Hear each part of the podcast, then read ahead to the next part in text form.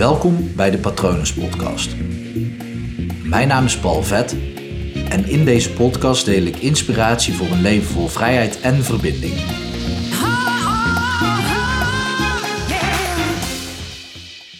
Ik was vroeger altijd een binnenvetter en toen werd ik van buitenvetter.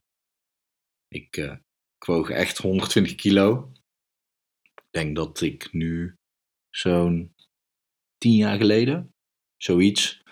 Ben begonnen met afvallen. En uh, gelukkig zit ik nu gewoon op een gezond gewicht. Al eventjes hoor. maar de laatste tijd zit ik ook gewoon echt letterlijk le lekker in mijn vel. En ja, vroeger was dat gewoon niet zo. Vroeger, ja, ik, uh, ik propte alles gewoon naar binnen, letterlijk. Dus en het eten, maar ook emoties en zo. Ik was echt een binnenvetter, ik deelde niks met mensen.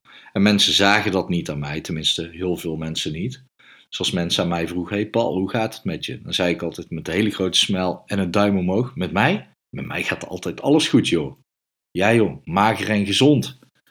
Want ja, je moet er wel grapjes over maken. Want op het moment als, als ik mijn probleem serieus was gaan nemen, dan was ik natuurlijk mezelf ongelukkig gaan voelen. Waren niet dat ik natuurlijk uh, onbewust heel erg aan het lijden was. Want ja, op het moment dat je je emoties niet uit. En ja, op dat moment was ik dus een binnenvetter. Ja, dan, dan ben ik mezelf ook continu aan het kwetsen. Terwijl ik juist emoties weg had om me niet gekwetst te voelen. Lekker dubbelzinnig is dat. en uh, ja, ik kan er nu wel om lachen. Uh, mede ook omdat mijn achternaam vet is. Uh, soms denk ik wel eens, ja, misschien is het wel een self-fulfilling prophecy geweest. Maar goed, niet iedereen in de familie vet is vet.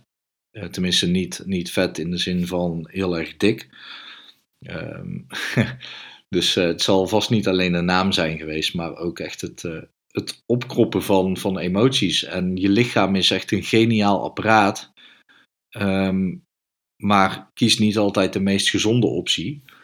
Um, ja, daar ben je toch zelf verantwoordelijk voor. En dat, dat je lijf een geniaal apparaat is, is dus gewoon, gewoon op het moment als ik dus me leeg voelde van binnen, dan propte ik me vol met eten. Twintig minuten later voelde ik me wel weer leeg, alleen was er wel weer een extra laagje vet opgeslagen, om maar als stootkussen te gebruiken. Want ja, dan hoefde ik niet kwetsbaar te zijn. Ik had gewoon letterlijk een dik stootkussen omheen, waardoor ik dus gewoon niet echt geraakt kon worden of echt niet geraakt kon worden, want ik liet gewoon niks toe.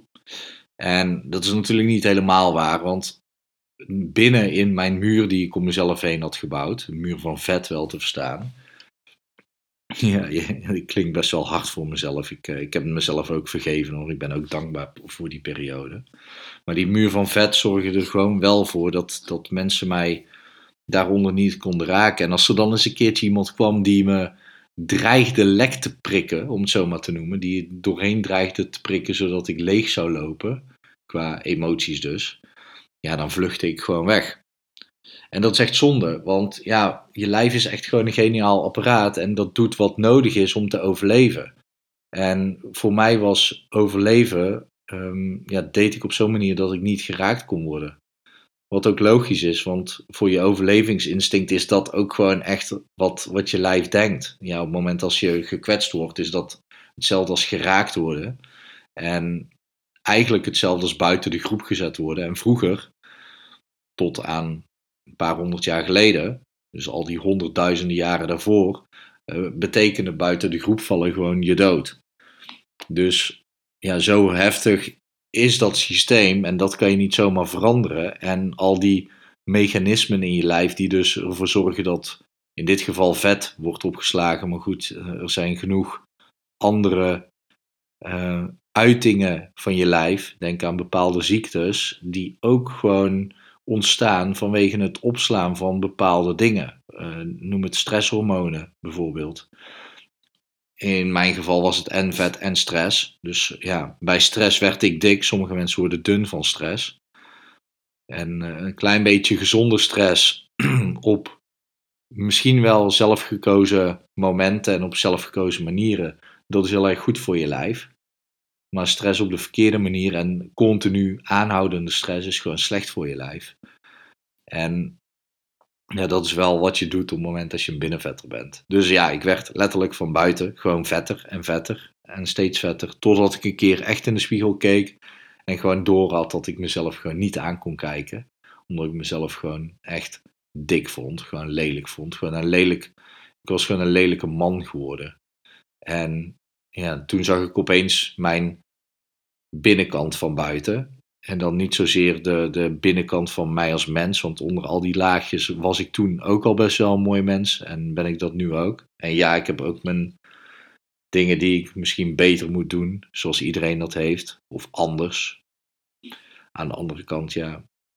Het is mijn leven. En, en uh, ja, er zijn natuurlijk altijd miljarden meningen over hoe je een bepaald leven moet leven. Goed, dat is misschien wel interessant voor een andere aflevering.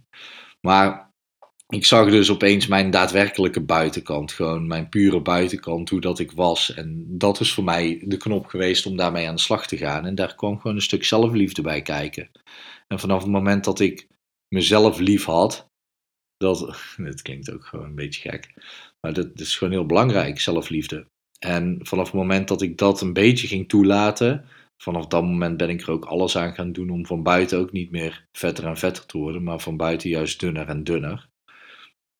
En dat heeft echt gewoon met liefde te maken, met heling, met liefde voor jezelf, met blokkades uh, wegwerken, uh, angsten overwinnen, uh, delen, verbinden. En ja, dat, dat, is een lang proces voor mij geweest. maar wel een heel mooi proces, want daar heb ik heel veel van geleerd. Heel veel van die dingen geef ik ook graag door aan jullie. En uh, ja, dat heeft er uiteindelijk ook wel voor gezorgd dat ik steeds dunner en dunner werd. En dat stootkussen dus niet meer nodig heb om me heen, omdat ik het. Uh, ik word minder snel gekwetst. Vroeger werd ik echt makkelijk gekwetst ook. Uh, tegenwoordig, ja, je wordt wel eens gekwetst in het leven. En uh, het is alleen maar fijn als je daar weerbaarheid voor ontwikkelt, zodat je de tegenslagen die het leven op je pad gooit, dat, dat je die aan kan. En ja, die kan ik nu gelukkig aan zonder uh, eh, 30 of 35 kilo meer vet bij me te dragen dan uh, in ieder geval dan goed voor me is. Ik ben wel benieuwd of dat jij het herkent dat je soms ook emoties opkropt. En um, of dat je dan ook jezelf ervan bewust bent wat dat voor fysieke uiting in je lijf heeft. Wat, wat het met je lijf doet, wat het met je leven doet, wat het met je mind doet. Um, dat, is, uh, dat, is, misschien wel interessant om eens over na te denken. En op het moment dat je daar dan over nadenkt, bedenk dan ook eens waar die blokkades zouden kunnen zitten, waar ze door zou, zouden zijn ontstaan. Ja, dat is altijd een eerste stap richting heling. Uh, ja, ik ben benieuwd, heb je daar hulp bij nodig? Laat het me weten via patronen.palvet.com. En je kan natuurlijk ook op mijn website www.hypnopal.nl of palvet.com kijken um, om te zien wat ik voor jou kan betekenen. Uh, maar ik vind het sowieso ook wel leuk om van je te horen. Dus stuur me gerust gewoon een mail en, uh, en laat het me weten. Ook als je ergens tegenaan loopt, dan vind ik het ook leuk. Als je me een mailtje stuurt, dan, uh, dan mail ik je altijd eventjes terug.